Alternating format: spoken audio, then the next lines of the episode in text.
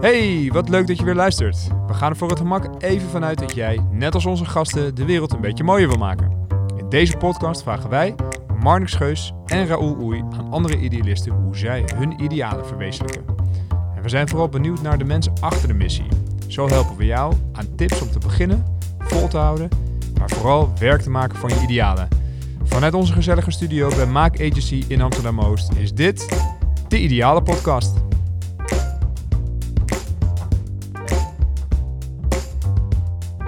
Welkom Milka.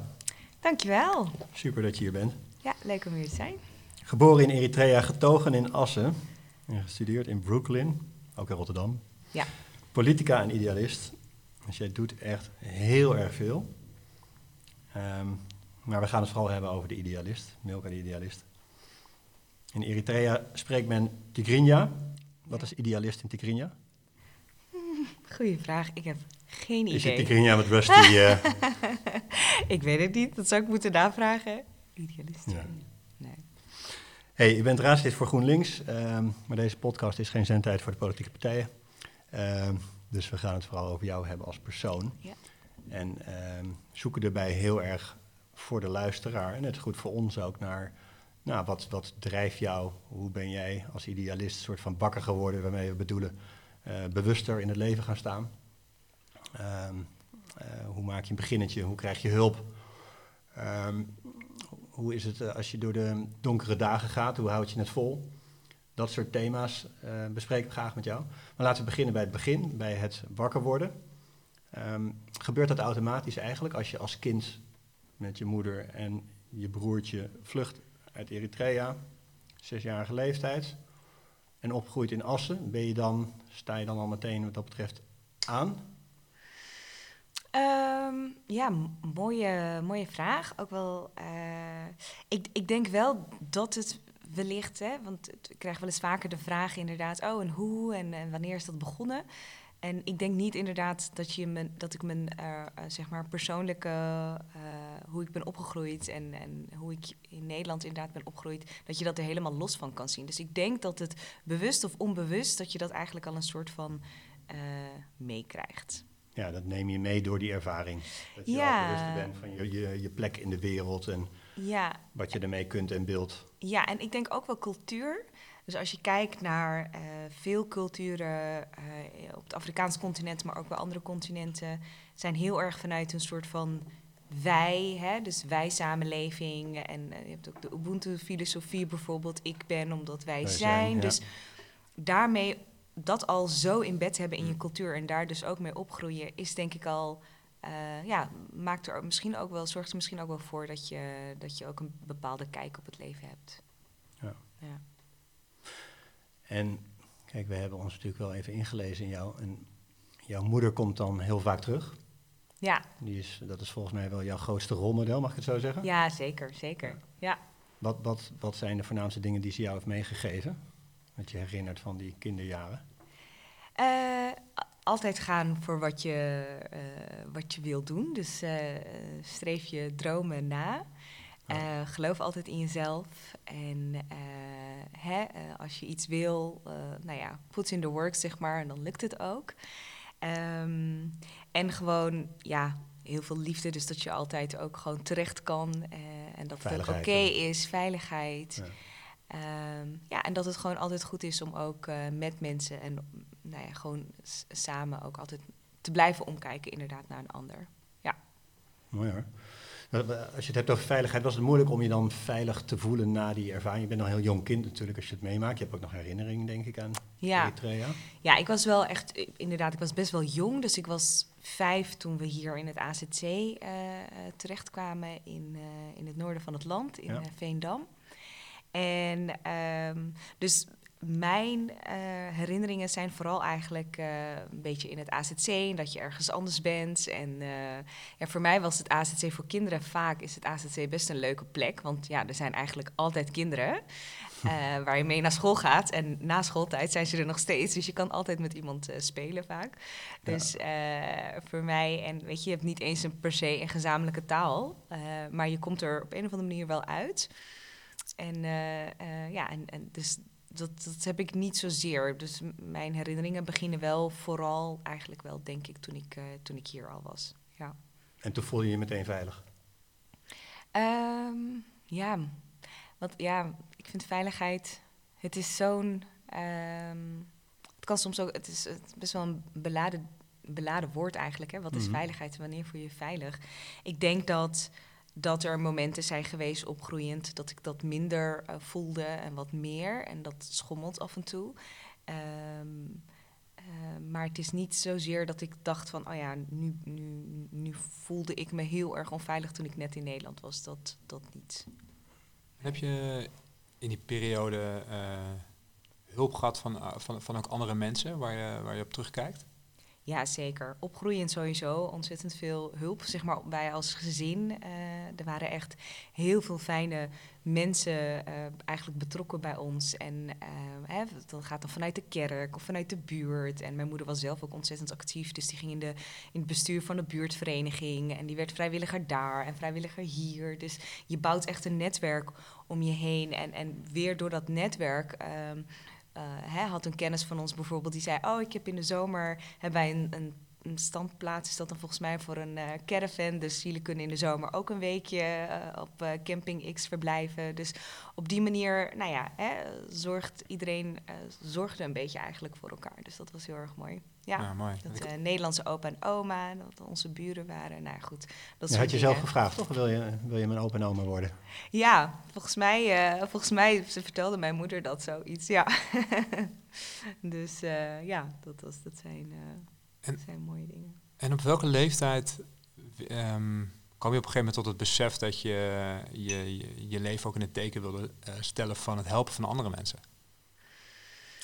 Oeh, goede vraag. Ehm, ik, ik, ik weet niet.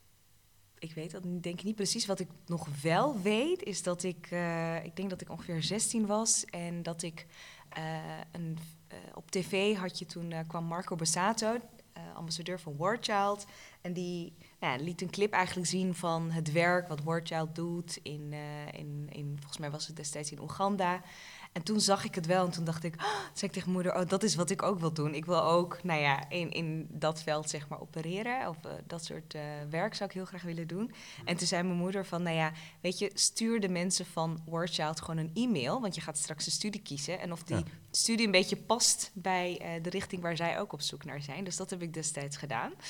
En toen heb ik ook een mail teruggekregen. En, en ik zei van, nou, ik wil dit en dit studeren. Past dat een beetje? Mocht ik ooit bij jullie komen werken? En toen kreeg ik een mail terug. Eh, dus hartstikke leuk eigenlijk, als ik er nu dan over nadenk. Ehm, dus toen begon het, eh, toen ik het eigenlijk zo visueel zag, dacht ik wel van, oh ja, ik zou wel heel graag dit soort werk willen doen. Ja, dat is nog voor je studie. Je, Ja. je, je keek Ja. al over je studie heen, zeg maar, van Ja. daar zou ik wel willen werken. En, Ja, en, ja. en is het dan goed om Ja. Politicologie te gaan studeren bijvoorbeeld? Ja, ja. En was ook bezig met zaadjes planten eigenlijk bij mooie organisaties. Te zeggen van, joh, van eh, over vier jaar ben ik klaar. Ja. Dus, eh, ja, nee, ja, ik was gewoon, eh, ik weet niet, ik was gewoon zo eh, eh, onder de indruk, zeg maar. En ik vond het gewoon heel mooi. En eh, dus Ja. ik dacht, nou, Ben, jij het, het, het- het type persoon wat, dan, wat, wat, wat haar, haar carrière uitstippelt? Wat, wat, die er dan heel erg mee bezig is? nee, en waar je, totaal niet. Nee, Nee? nee, ik heb echt zoveel respect voor mensen die dat goed kunnen. Maar ik, ik leef echt een beetje van... En ik ben ook heel erg van... Een, eh, nou, het moet ook goed voelen en wat past er. En ik geloof ook soms echt een beetje... eh, klinkt een beetje zweverig misschien, maar wat er soms ook op je pad komt. En soms moeten Ja. dingen ook gaan zoals ze moeten gaan. Tu- tuurlijk is het goed om na te denken over, nou, wat wil je nou en wat zijn de stappen die je daartoe moet zetten. Eh, maar soms, ja, soms ehm, gebeuren er ook dingen, denk ik, omdat ze moeten gebeuren. Ja. Maar kan je die dingen nog zien die er op je pad komen met jouw agenda? Bedoel, wij, wij zitten te kijken. Nou, het was laatst in het nieuws sowieso ook over Ja, eh, raadsleden. Hè, van, eh. Het is gewoon een fulltime job. Ik denk. Zeker met jouw portefeuille, wat er allemaal in zit. Ja. Nou, het is te veel om op te noemen. En dat combineer je nog met verschillende bestuursfuncties. Je hebt je eigen stichting natuurlijk, Ja. eh Lemmat. Dus, dus kan jij nog, is er nog wel ruimte om te zien wat zich aandient Om, eh, met dit volle leven?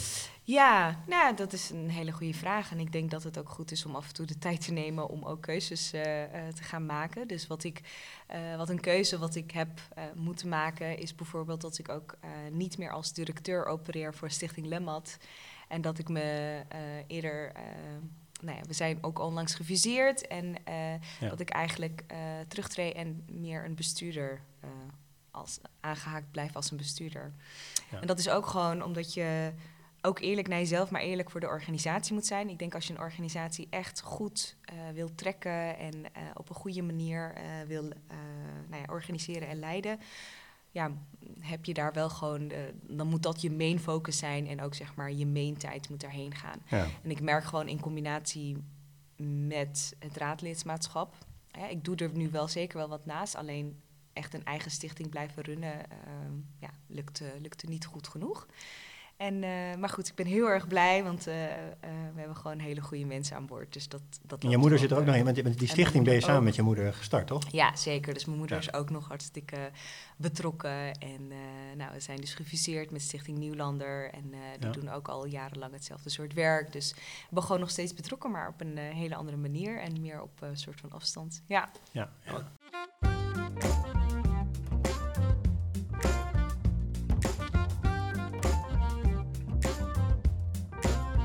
Je moeder heeft dus op een gegeven moment het idee gehad, of voorgesteld aan jou om een brief te schrijven naar Warchild. Ja. En eh, toen ging je studeren in New York. En toen kwam je terug in 2014 en toen heb je weer een brief geschreven. Aan het COA. COA, ja. Ik heb dus eerst Dus in je- Rotterdam gestudeerd. Ja. Ik heb Mhm. de eerste, en toen inderdaad ging ik eh, inderdaad naar, eh, naar New York. En toen kwam ik terug en toen zag ik inderdaad van... Nou, je hoorde meer over de eh, vluchtelingen die naar Nederland eh, kwamen. 2014 was het. Ja, 2014. En inderdaad, toen heb ik ook weer een brief, een open brief gestuurd naar het COA. Van, eh, nou, eh, dit ben ik. En hebben jullie toevallig nog iets open? Want ik eh, lijkt me heel erg mooi om, om bij jullie aan de slag te gaan. Ja. Ja. Ja. Ja, want wat, wat heb je daartoe doen besluiten? Om, en COA, even voor de luisteraar, het is Centraal Orgaan Opvang Asielzoekers, waar je dan Ja. naar schrijft. Ja. Wat, eh, wat was je motivatie eh, daar, daarvoor? Ja, ik denk, ik vind het wel grappig hoe jij het zo eh, in verband brengt. Daar heb ik eigenlijk nooit over nagedacht. Maar inderdaad, weer tv, wat ik zag en het Ja, nieuws wat ik ja. hoorde. Hm. En dat ik dacht, oh wat. En ook het feit dat je dan hoorde dat er ook veel mensen uit Eritrea vluchten. Dus kwam ergens ook heel erg dichtbij. Ehm, dus ik dacht, nou, waarom niet? Ik, Ja. eh, ik stuur gewoon een open brief en ik, ik, ik zie wel. Ja, Nou, ik, ik vraag zo specifiek omdat een, nou ja, een open brief sturen, dat is zo best wel veel mensen zullen dat spannend vinden. Maar Ja. blijkbaar eh, werkt het gewoon. ja, ja dat Toch? toevallig, ja. Dus ga dat doen. ja, ja. Ik, ik, zeg, ik, ik zeg ook heel vaak tegen mensen dat zeggen, oh, maar er, er staat niks. Ik zeg, maakt niet uit. Maak kenbaar dat je er bent. Ja. Maar dat is wel e- echt iets wat ik van, ook van mijn moeder heb meegekregen. Gewoon van, je weet maar nooit. Ga gewoon zeggen Ja. dat je er bent en je ziet wel eh, eh, wat er op terugkomt. Ja. Ja, fantastisch. Ja. Ja. En, die, en die stichting dan, want dat, dat is, was je moeder inderdaad die zei van, ik wil dat gaan doen, zullen we dat samen doen? Ja. ja, wij zeiden, kijk, ik werkte bij het, eh, bij het COA. En eh, ehm, nou goed, mijn moeder, die, kijk, wij waren altijd een van de weinige, eigenlijk enige Eritrese gezin die in Assen woonde. Dus Ja. Toen er op een gegeven moment meer mensen ook uit Eritrea in Assen kwamen wonen, toen hadden de gemeenten en andere organisaties, die hadden zoiets van, goh, hè, we krijgen, ja, we vinden het toch wat lastig, of hoe gaan we deze groep nou goed begeleiden? Oh ja, weet je, eh, we, we kennen deze, hè, Zodi, die kunnen we dan wel vragen. Dus mijn moeder kreeg op een gegeven moment ontzettend veel vraag. En ik eigenlijk ook vanuit het COA. En ik mocht ook vanuit mijn manager eh, extra trainingen opzetten binnen de AZC's, eh, specifiek voor, voor Eritrese vluchtelingen. En eh, je merkte gewoon dat het erg aansloeg en dat meerdere COA-locaties dit wel zouden willen. En toen zeiden eh, mijn moeder en ik van, jeetje, we moeten, we moeten eigenlijk iets doen. Hè? Dus met de ervaring die we hebben en eigenlijk die bruggenbouwfunctie die we zouden kunnen, kunnen uitoefenen, hoop je dan nou ja, dat je de twee werelden be- beter bij elkaar brengt. En eh, nou ja, dat nieuwkomers ook gewoon een goede kans krijgen om hierin mee te doen. En toen was het eigenlijk mijn manager bij het COA, een van mijn managers, die zei van, nou, het is zo fijn en, en ik hoor zoveel goede geluiden over de dingen die jullie nu aan het doen zijn. Hm. Waarom richt je niet een stichting op? Oh ja? Ja, het was echt haar Ja. idee. Ik had er nooit aan gedacht. En eh, toen zei ik een stichting. En toen had ik een andere collega die zei: Oh ja, nou kijk eens, ik heb hier nog een plan. En eh, nou, die had me daarmee geholpen. En iemand anders, eh, de partner van die collega, die zei: Nou, ik kan wel een website voor je maken. En toen Oh, had dus ik de een, hulp eh, kwam vanzelf al op dat was echt kanten. ongelooflijk. Ja. Toen had ik een, eh, een andere collega van mij, eh, wat ook een goede vriendin is geworden, die zei: Nou, mijn zwager is notaris, dus dan kan je je stichting Ja, daar laten handig. inschrijven voor echt, ik weet niet meer, een flesje wijn of zo. Weet je wel, gewoon allemaal dat soort dingen, want je begint zo, maar je hebt een idee. En eh, nou ja, zo kwam, zeg maar, eh, zo kwam het eigenlijk van start. Ja. En de kern van wat jullie deden en, en, en nog steeds doen, is eigenlijk een soort cultureel vertalen. Hè? Mag ik het zo samenvatten? Ja, eigenlijk wat je doet is, eh, enerzijds geven we veel trainingen aan de kant van de professionals, dus cultuursensitieve trainingen over, nou, waar komen mensen nou vandaan? Eh, wat hebben ze meegemaakt? Eh, hoe kan je nou je beleid eigenlijk zo maken dat het echt ook past bij de behoeften van deze doelgroep? Maar ook soms hele kleine, simpele dingen als in, ehm, eh, ik, weet, ik weet dat ik nog wel eens hoorde van ja, maar als ik dan les geef, dan kijken ze me niet aan. En ze kijken uit het raam, lijkt alsof ze niet geïnteresseerd zijn. Dan zeg ik, nou ja, hè, vanuit de Eritrese cultuur is het juist respectvol dat je hè, iemand niet direct in de ogen aankijkt. Dus dat Ja. is niet iets van dat ze nonchalant zijn, maar dat is meer nou, juist eigenlijk uit beleefd. respect. Ja. het wordt bij ons als onbeleefd gezien. En, Nou ja, en- dat. ja. Hè? Dus die kleine eh, culturele nuances. Zeker, er wordt wel eens gesproken van, eh, ik noemde dat een interculturele miscommunicatie. Konden soms voor zorgen dat ze beiden eigenlijk een soort van nou ja, valse start kregen om nou ja, samen die samenwerking aan te gaan. Ja. En eh, dus veel van dat soort trainingen en, en dus echt aan de professionals kant gericht. En aan de andere kant is het ook, hebben we veel trainingen gegeven aan de nieuwkomers over, nou, wat betekent het nou, het leven in Nederland? Eh, als je een sollicitatiegesprek hebt, eh, nou, ja, hoe bereid je je daarop voor? Ehm, hoe zit het schoolsysteem in elkaar? Waarom is het zo belangrijk dat we taal-eigen worden? Nou, allemaal dat soort dingen. Maar ook eh, heel vaak hele praktische ondersteuning. Hè? Dus, dus ik zeg wel eens, mijn moeder heeft echt een soort van hotline, want haar telefoon gaat de hele dag af. En dat is dan, ja, weet je, Nederland is ook gewoon echt best een ingewikkeld land. Hm. Eh, als we kijken, eh, nou goed, eh, met, met alles wat je soms moet aanvragen en de DigiD en noem maar op. En stel dat je en de taal niet beheerst en ook niet de per se digitale vaardigheden nog beheerst, dan kan het best wel een doolhof zijn. En vooral in die Ja. eerste jaren. Dus ja, en dat eigenlijk, hè, dus alles wat je ook weer meekrijgt vanuit die doelgroep. Eh, probeer je ook weer zoveel mogelijk door te geven aan die organisaties die veel met deze groep werken, zodat ze ook daarin begeleiding of hun beleid op kunnen aanpassen. Ja.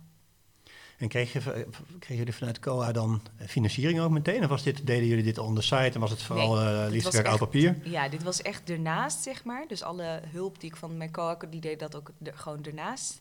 Ja. En eh, nee, we zijn eigenlijk eerst gewoon maar begonnen. We dachten, we, we, we zagen echt de, de nood. Eh, er waren echt veel nieuwkomers die dan in de gemeente kwamen, gelijk al in de schulden en gewoon problemen. We zeiden, nou, laten we maar starten en dan kijken we daarna wel. Eh, hoe en wat. En toen denk ik dat eh, na een, ongeveer een jaar kwam er ook een, een ander eh, collega met wie ik het heel lang heb getrokken. Daniel die kwam erbij en die zei van, nou ik zie het ook in mijn omgeving en laten we krachten bundelen.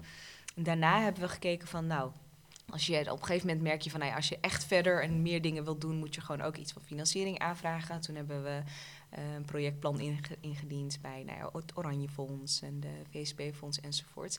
En daarna eh, was het ook gewoon dat gemeenten ons gingen inzetten en dat we dan Hm. gesubsidieerd werden vanuit de gemeente. Ja. En hoe, hoe ging die, eh, die periode, die, die start eigenlijk van de stichting? Hoe, hoe ging je dat af? Want je bent dan echt aan het Ja. pioneren en bouwen. En Ja. het is heel anders dan wat je nu eh, Ja. doet. ja, echt heel anders. Kijk je daarop terug? een hele, echt altijd ontzettend, gewoon hele volle weken. Ehm, overal op afgaan, eh, elke conferentie of whatsoever wat er werd georganiseerd, van noord naar zuid, overal heen gaan. Eh, blijven schrijven, eh, aandacht blijven vragen voor deze specifieke doelgroep.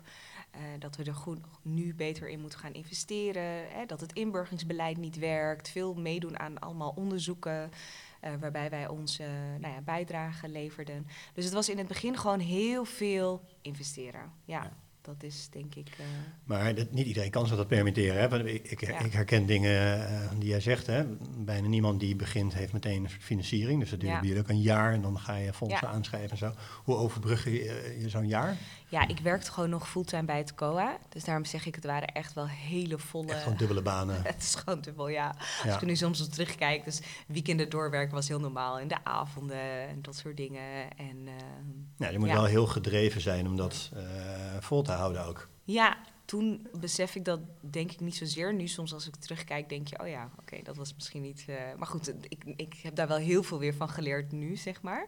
Alleen, eh, ja, je, je bent ook, hè, je hebt goede energie. Iedereen heeft ook in het team, had ook gewoon dezelfde... Die, die za- we zagen allemaal voor wat we deden. Dus er was geen discussie over, moeten we wel of, of niet. Of eh, we wisten gewoon dat het ontzettend belangrijk was. Dus ja, een soort van ja, je hebt een soort van basis waar je allemaal vanuit werkt eigenlijk. Ja. En alleen kan je niks, hè. Dus ik had, het was echt een team, team effort. Ja. Ja.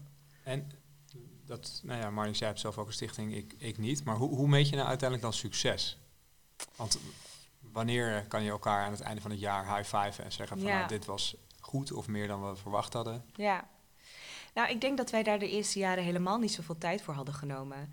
Ik denk dat eh, corona, hè, dat, toen wa- was het een beetje zo, de stichting was zo'n vijf jaar oud, denk ik, vier, vijf jaar oud. Toen stonden we even een soort van stil, hè, de trainingen enzovoort. Dat kon eigenlijk niet zo Nee. even doorgaan op de manier eh, wat we deden.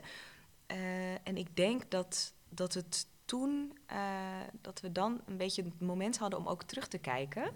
En toen had je ook een, een, eh, een onderzoekinstituut die ons wel eens eerder had geïnformeerd, of onder, eh, zeg maar, waar we eens eerder- aan mee hadden gedaan voor onderzoeken, die ons toen weer vroegen van wie jullie, want we weten dat Lemmat nu vijf jaar bestaat. Lijkt ons leuk om een soort van vijf jaar anniversary iets op onze website, zeg maar, over wat jullie allemaal hebben bereikt. Een soort Mhm. van interview.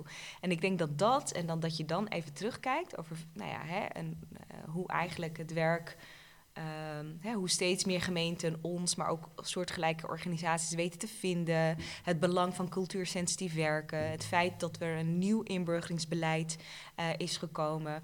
Nou, dan denk je even van, oh, nou, wat mooi. En toen hadden we ook wel zoiets van, nou, we mogen ook wel heel blij zijn, denk ik, met... eh, Een nou beetje ja. trots Ja. wat er bereikt Ja, is. maar het was wel even dat je een beetje een soort van gefrustreerd stilstond. Ja. En eh, nou ja, dit soort dingen eigenlijk op je afkwamen. En ook zo'n interview, vijf jaar Lammat, dat een organisatie dus daar, daar ons voor benadert. Ja. Dat je denkt, oh ja, hé, hey, wat leuk. En dan heb je het opeens erover. Dus dat, dat klinkt dan toch anders dan met een bedrijf waarin je echt ehm, KBI's Ja. of zo. ja, milestones hebt waar je Ja. naartoe werkt en eh, met Ja. elkaar eh, ja, daaraan Nee, samenwerkt. ja. Dat was toch anders dan, hè? Ja, dit is wel denk ik echt anders. Kijk, je hebt natuurlijk wel ook tussendoor hoor, hebben we echt wel eh, momentjes waarvan we denken, yes, wat goed. Hè? Dus dan zie je bijvoorbeeld dat iemand eh, is aangenomen op de opleiding eh, waar hij naartoe wilde, of die baan heeft gekregen wat hij echt wilde, of, of, of, of een gezin die is overgekomen omdat het ontzettend een lastige procedure was. Iemand die heel lang geen vergunning had en dan een vergunning. Weet je, het zijn dat op persoonlijk dingen. niveau echt dat er echt wel soort life-changing ja. dingen gebeuren. Ja, Dat is dan zeker. relevanter dan de, Ja. het aantal mensen dat een training heeft gevolgd bij jullie. Of, Ja, ja, eigenlijk wel. Want soms is het ook, soms kregen we van een gemeente te horen, dan hadden ze onze training gehad en dan zeiden ze, oh, het is zo ongelooflijk. Ik merk gewoon dat eh, die en die en die echt de training hebben ge- gevolgd, want ze zijn nu veel meer eh, over ook wat ze willen, en nadenken over de toekomst en ze durven ons veel meer eh, dingen te vragen enzovoort. Ja, dat lijkt, hè, dat zou voor een bedrijf misschien niet per se, maar voor, eh, voor zo'n organisatie, maar vooral voor de mensen zelf, ja, kunnen dat hele grote successen zijn. Ja, Ja. natuurlijk.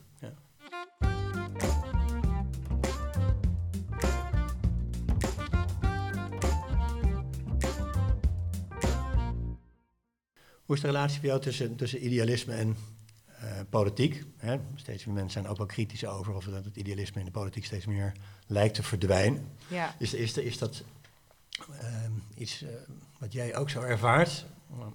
Ehm, jij, jij bent natuurlijk in Amsterdam gemeenteraadslid.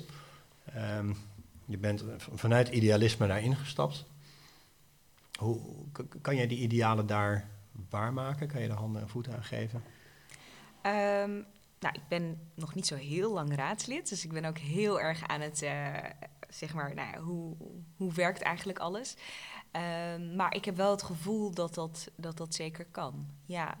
En natuurlijk, het is heel anders. Kijk, voor mij is, ik zeg ook altijd, als je iets wil doen of je wil bijdragen aan of je wil je graag inzetten voor de stad, dan kan dat op verschillende manieren. Dat kan inderdaad door een volksvertegenwoordiger functie wellicht aan te nemen, maar dat is net zo eh, belangrijk is inderdaad het, het werk van hele vele stichtingen, sleutelpersonen, vrijwilligers, noem maar op.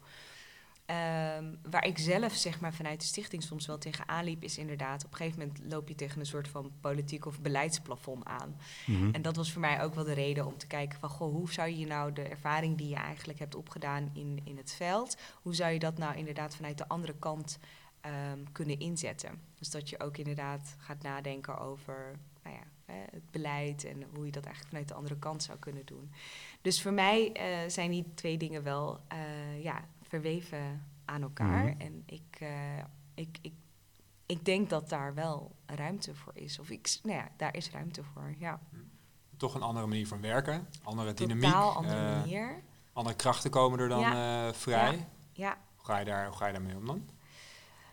Ehm, ja, het is natuurlijk wel, kijk, een eigen stichting hebben. En eh, hè, stel je voor, eh, dingen konden heel snel. Hè? Dus als er een gemeente is die zegt, ja, ik vind het hartstikke goed wat jullie doen. Kom maar en, en kom maar met een training. En leuk dat jullie hier een project gaan uitvoeren. Dan ja, binnen een half jaar kan je echt wel iets heel moois hebben opgezet. En binnen de politiek moet je ook gewoon van de lange adem zijn. En dan maar eh, denken dat, dat je die lange adem, eh, dat je die nodig hebt. Omdat je ook wil dat er wat duurzaams gaat veranderen. En ook hopelijk voor de langere tijd. Ja. Dus het is een totaal andere manier van werken. Mhm. Ehm, maar eh, ik denk wel heel erg nodig dat, dat deze manier van werken ook, zeg maar, dat, dat er ook vanuit het veld, ook in de politiek, op deze manier wordt gewerkt. Nou, ik vraag het eigenlijk meer aan jou van hoe vind jij dat? Ja, Eh, ja. Die andere manier van werken. Ja, ja ik vind het. eh, ik zeg ook altijd van. Ik ben nog steeds. Ik voel nog steeds dat ik een beetje aan het inwerken ben. Ja. Om het zo maar te zeggen. Ik vind het nog steeds. De, de politieke eenheid is echt nog wel. Ja. eh, nou ja, echt wel heel anders natuurlijk dan. Ehm, maar ik. ik, ik tot nu toe vind ik het gewoon. Vind ik het leuk en vind ik het ook interessant en vind ik het ook. Ehm, eh, ik vind het gewoon mooi dat wanneer je ook iets voorstelt, dat er ook gelijk serieus naar gekeken wordt. En als het niet kan, dat je dan ook een goede motivatie hebt. Eh, dus ja, ik zie wel hier en daar al kleine successen als ik kijk naar wat de fractie af en toe eh, heeft kunnen, kunnen doen. Dus iets heel kleins. We hebben bijvoorbeeld, of kleins, iets. ehm, eh, ging over, er was een onderzoek over menstruatiearmoede bijvoorbeeld. Ja. En nou, de cijfers waren best wel shocking. Toch wel heel veel eh, mensen die menstrueren, die eigenlijk niet de middelen hebben om menstruatieproducten te kopen. Ja. En het feit dat je dan met een, geweldige organisaties die zich daarvoor inzetten, dat je dan geld kan vrijmaken voor een pilot, hè, dat je daar een meerderheid voor hebt. Nou, dat zijn hele tastbare dingen waar je denkt, goh, wat, wat, wat, wat mooi dat dat ook kan, zeg maar. En als je dan hebt over werkgeluk en voldoening en je vergelijkt het met elkaar, hè, zo'n rol eh, met je eigen stichting, Ja, Stichting Lemmat, en zo'n politieke rol die, Ja. die je nu vervult, eh, hoe, hoe verhouden die zich tot elkaar? oeh, ja, ik heb er niet zo over nagedacht. Mhm. Eh, ja, kijk, het, het- ik vind voldoening ik vind het altijd een lastige, want ik denk, wanneer, wanneer voel je dat? Hè? Wanneer ben je voldaan? Kijk, je weet gewoon, zowel in de politiek, maar ook eh, bij de stichting, er, is, er ligt nog zoveel werk. Hè, dus er is nog zoveel wat we eigenlijk eh, moeten doen, ook met de stichting. Ik, ik hoop, mijn, mijn droom is altijd, of mijn wens is, dat onze stichting straks helemaal niet meer nodig is. Ja. Hè, dat is natuurlijk het allermooiste. Eh, maar ja, dat echt dat voldane ehm, eh, gevoel. Of, ja, Ken je dat gevoel? Dat weet ik niet of ik dat echt per se goed ken. Ja, ik weet ook niet of ik daar goed over heb nagedacht of de tijd neem om over, om over daarna te denken. Ja. Het is gewoon omdat je gewoon nog steeds. Het is nog niet af. En ik weet ook niet of het Ja. ooit af gaat zijn. Maar Nee, maar je, gaat, hè, je komt ook wel als, als een go-getter over van je gaat, je gaat hard, je doet veel tegelijkertijd. Ja. Hè, van, van, eh, is, dat, is het verantwoordelijkheidsgevoel of is het bewijsdrang of is het gewoon grensloos veel levensenergie? Hoe, hoe, kijk je daarnaar? Ja, ik denk, ik denk dat het vooral. Ik denk, maar ja, ik ook niet Mhm. dat het vooral de ener- energie is misschien. Ja. Of dingen die. je kijk, het is niet, hè, want het lijkt altijd alsof het een soort van eenzijdig is. Hè? Dus dat wij heel veel doen voor de stichting of heel veel doen voor de mensen. Maar andersom eh, is er ontzettend veel wat wij ook weer leren en wat wij ook weer ontvangen. Als ik bijvoorbeeld terugkijk aan de afgelopen jaren.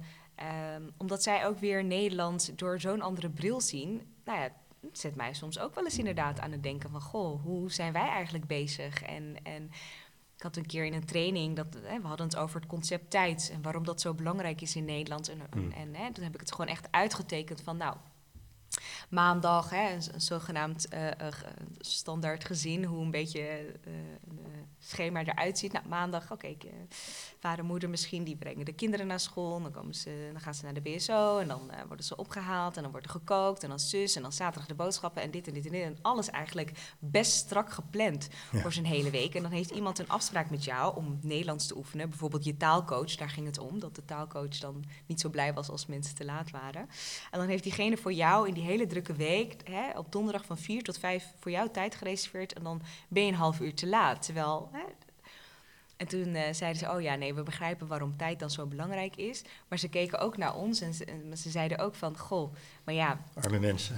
ja, eigenlijk wel. Zo druk bent. Weet je, ja. jullie hebben de klok, maar wij hebben echt de tijd. En toen zei ik, ja, dat is eigenlijk ook zo. Hoezo zijn wij zo ontzettend eh, nou ja, op deze manier eigenlijk aan het leven? Wat bizar eigenlijk als je erover nadenkt. Dus ik vind het ook een rijkdom dat je ook mag leren van andere Ja. mensen. En eh, die jou zelf soms ook eventjes laten nadenken over, goh, hoe... Hoe, hoe leef je en waarom? En kan dat ook anders? En past dat nog wel bij jou? Dus dat je ook af en toe even tijd neemt voor reflectie. Ja. Ja. Nou, mooi dat je dat zo zegt. En is dan ook, ehm, het, nou ja, tussen de regels door zou je dan kunnen lezen dat het je niet per se heel veel energie eh, kost. En dat je het heel, wel heel druk hebt, eh, maar dat je toch, een, toch dat verlangen hebt om eh, iets te betekenen voor anderen. Eh, stel nou dat, eh, dat, dat er mensen zijn die dit, die dit horen en denken van, oh, dat, dat, klinkt als een hele mooie carrière, maar ik zit op dit moment bij een, een, een rete commercieel bedrijf. En ik wil, ik wil misschien ook wel iets betekenen in een gemeente of zo, weet je wel? Echt met mensen werken. Ja. Is dat een hele grote stap eh, om, om, om, om, om zo'n stap naar een, nou ja, een gemeente of een publieke sector te maken? Ehm, ik denk het eigenlijk niet. Nee. En wat is er voor nodig, denk je? Ik denk dat, eh, dat, dat, dat je. ehm, kijk, hè, je, je kan ook heel laagdrempelig met iets beginnen. We hebben echt, als je kijkt eh, in de stad Amsterdam, maar dat geldt denk ik voor heel veel andere steden. We hebben zoveel mooie organisaties die zoveel dingen doen met vrijwilligers. eh, waarbij je echt een bijdrage misschien kan leveren nou ja, aan, het, aan, aan het zijn van mensen hier in de stad. Hè, of het nou eh, ergens bij de eh, voedselbank is of eh, bij inderdaad vluchtelingenwerk, waarbij je misschien nieuwkomers met de taal kan helpen. Dat kan je op een hele laagdrempelige manier zou je dat kunnen doen. En als je denkt, god, het past echt bij mij en het lijkt me hartstikke mooi om dit te gaan doen. Nou, dan moet je, denk ik, dan is denk ik die, die kloof om dan echt hè, vooral naar, voor zo'n baan te gaan misschien ook wel wat kleiner. Maar ik zeg altijd, je kan heel klein beginnen. Dus eigenlijk misschien zeggen. eigenlijk een beetje het valideren bij jezelf of je Ja, het inderdaad leuk vindt en er Ja, eh, en ook als je de stap wil. nog iets te groot vindt. Hè, want Ja. ik denk dat het, dat het echt... Ik ken best wel veel mensen die een totale switch maken. Eh, maar vergeet ook niet dat je ook... Ook al vind je je commerciële baan echt superleuk... eh ook binnen commerciële banen kan je natuurlijk ook van alles opzetten. Ik ken ook mensen die eh, bij banken iets hebben opgezet voor... eh, dat ze bijvoorbeeld een traineeship aanboden aan statushouders. Ik zeg maar wat. Ja.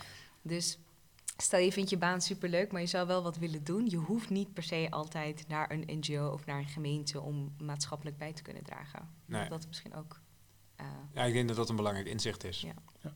Dat er binnen, binnen werkgevers ook een heleboel te, Ja. te realiseren is nog. ja, Het kan ernaast. En, het, en het kan ernaast. En wat is dan, als het gaat bijvoorbeeld om eh, organisaties waar, eh, waar er nog een hoop te winnen is op eh, bijvoorbeeld diversiteit.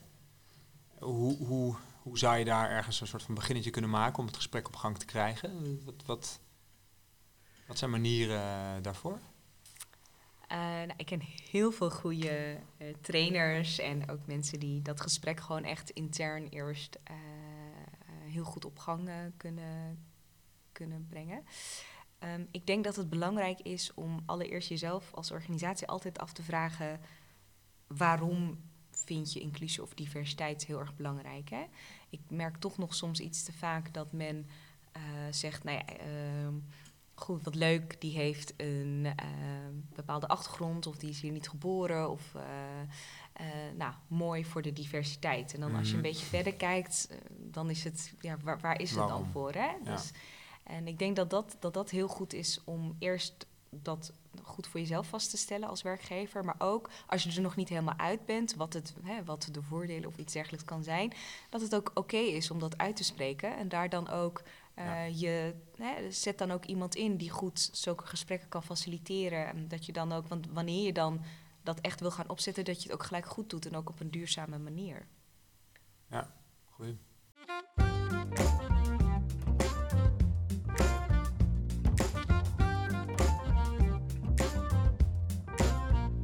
Ja, als we eens kijken naar de, de meer donkere dagen in jouw carrière, wat, wat, wat, wat komt er dan als eerste uh, in jou op? We hebben bijvoorbeeld nog steeds familie in Eritrea en, en familie in, uh, hè, en, en in, in sommige gebieden van Ethiopië. Nou, de oorlog was nog niet zo lang geleden ook weer iets. Daar weer, um, soms de situatie daar, uh, dat kan je natuurlijk heel, heel verdrietig maken. Maar ook als, als mensen in je omgeving, als daar iets mee nou ja, aan de hand is of gebeurt. Um, ik denk dat de, het werk wat we soms doen, dat het ook niet in je koude kleren gaat zitten. Hè? Dus mensen hebben echt verschrikkelijke dingen meegemaakt. Soms onderweg met mensen, smokkelaars, mensen onderweg verloren. Um, en die dan hier in Nederland terechtkomen en nog steeds nou ja, echt met een hele grote trauma lopen. En, en, uh, dus ik denk dat dat soms gewoon, ja, dat is, dat is niet, hè, van dat, dat doet je niet niks, zeg maar. Je doet het werk wel en je gaat ook door en je weet waarom je het doet. Um, maar er zit ook een, een hele, soms echt wel een hele verdrietige kant aan dat mensen zulke verschrikkelijke dingen moeten meemaken. En dat er andere mensen soms dit bewust dus eigenlijk doen. Uh, ja, voor wat? Voor geld, voor noem maar op. Maar hoe ga je, ga je ermee om als je zoveel wordt geconfronteerd met uh, heftige verhalen en heftige situaties? Als je dat zo direct meemaakt, hoe blijf je voor jezelf daar ja, mentaal en emotioneel gezond in? Um, ja, dat is. Dat is uh, dat, dat, dat blijft echt nog wel ergens, denk ik. Ondanks dat je wel door moet. Hè. Dus bijvoorbeeld wanneer ik op missie was in, op Lampedusa, dan sta je eh, dan aan de veilige kant, om het zo maar te zeggen. Dus dan zit je aan het eiland en dan komt een boot. En vaak was het donker, was het in de nacht. En dan heb je de kustwacht die dan nog eerst bezig is, zodat het uh, de boot goed kan aanmeren. Maar dat moment, hè, ik vergeet nooit meer de eerste keer uh, dat, ik, uh, dat ik daar werkte en dat er een boot kwam. Nou, dus, dan sta jij daar en iedereen kijkt je gewoon aan. En, en nou, gewoon met echt wanhopige ogen, maar ook hmm. wel weer iets van relief, omdat ze het hebben gered, om het zo maar te zeggen. Ja. Ik denk dat dat. Ehm, en daarna inderdaad, dan wanneer de verhalen komen. Ja, dat is soms enerzijds denk je, het, het, bestaat niet. Hoe kan iemand gewoon zoveel meemaken? Het is echt uh, hartverscheurend. Het is gewoon, ik, kan, ik kan het ook niet goed uitleggen, want ja, hoe leg je dat uit? Hè? Ik bedoel, we zien soms nu, zie je wel eens, hoor je wel eens de verhalen, of je ziet de verhalen van de boten, of hè, het is bijna een soort van nummer geworden. Uh, dus ik, ik vind het ook altijd heel lastig om echt goed uit te leggen van wat dat dan met je doet wanneer het overkomt. Maar het is natuurlijk heel zwaar om te horen en heel verdrietig. Maar je staat daar ook om iemand, uh, nou ja, te vertellen van, nou, je bent nu in ieder geval veilig. Ja. Uh, we gaan vertellen hoe het proces in elkaar steekt. En je wil ook uh, diegene een beetje, ja, hoe zeg je dat? Een beetje, een beetje moed, moed, een geven, beetje, ja, ja hè, dus dan moet je jezelf even een soort van af en toe, nou ja, maar dan kan het wel zijn dat je in de avond of zo, dat je dan even processt wat er inderdaad allemaal is gezegd en wat je eigenlijk hebt gehoord. En uh, nou, dat het dan misschien wel, dat je dan wel heel dan emotioneel kan worden. Komen en, ja. Uh, ja, ja. Maar op dat moment moet je door, ja. Waar, um, Waar, waar, waar, gaat jouw, uh, waar gaat jouw reis naartoe? Maar wat, wat ligt er op je pad, denk je, de komende jaren? Oh, zo'n moeilijke vraag. ik vertelde net dat ik niet zo... Planmatig uh, Ja, dat, dat zijn we nu een beetje aan het testen, ja, of het inderdaad zo is. Want, ik ben benieuwd of je... Je bent net natuurlijk bij GroenLinks uh, ja. Ja. aan de start, aan de gang gegaan. En wat, is je, wat is je ambitie daar dan in? Uh, nou, ik, ik ben toevallig ook met, uh, ik dus uh, raadlidmaatschap is ongeveer part-time, tenminste, de, ja, part-time ja, op papier, hier ja. op mhm. papier op part-time. Mm Ik wilde wel, en ik werk nu part-time ook bij de Buitenlandstichting van GroenLinks. Ja. Want ik heb uh, nou ja, altijd dat internationale, nou, vind ik nog steeds gewoon heel, heel belangrijk. Dus enerzijds als raadslid ben ik heel lokaal bezig. En nu bij de IFG, dus de International Foundation GroenLinks, uh, zetten we veel partijen op. Daar ben je hoofd van nu, toch? Ja, ja. zetten we veel met groene zusterpartijen in Libanon en Marokko en Macedonië. Nou, heel veel een beetje in Oost-Europa en in, de, in het Midden-Oosten. En dat vind ik heel erg leuk. Ik vind de combinatie leuk. En het is wel allemaal onder GroenLinks, maar wel echt totaal iets anders. En dus daar kan ik een beetje mijn NGO en, en zeg maar buitenland enzovoort. En hier dus dat lokale en kijken hoe je nou ja, eh, politiek kan beïnvloeden en beleid kan beïnvloeden. En voor nu, uh, het zijn beide dingen waar ik nog steeds redelijk aan het inwerken ben, om het zo maar te zeggen. Maar ik vind het voor nu een hele leuke combi. En uh, ja, de stichting, ik ben gewoon heel fijn dat daar mensen nu op zitten. En ik ben heel blij om daar nog steeds op deze manier bij betrokken te raken. Dus dat is toch nog wel heel erg in het nu. En ja, niet ergens een stip aan de horizon waar je naartoe nee, werkt. Nee, nog niet echt, nee. Landelijke politiek, is, is dat iets voor jou? Mm, weet ik niet.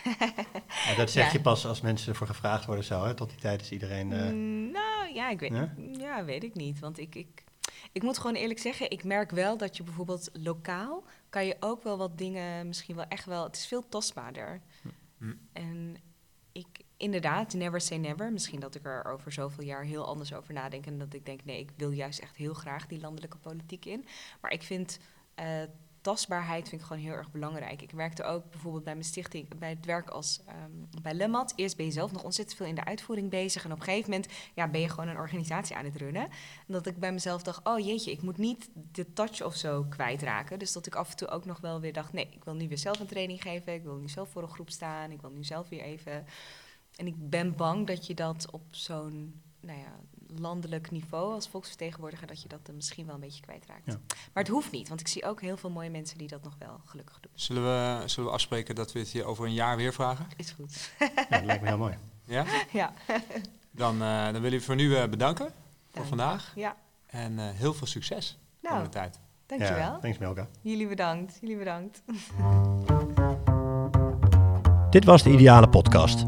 Mede mogelijk gemaakt door Oma Kabiri van Maak. De muziek is van Lucas Dols van Sounds of Change. Onze geluidstechnicus Castor Sprado en The Present Movement. Ben of ken jij ook een idealist die wij zeker moeten spreken? Stuur ons een berichtje. Tot de volgende!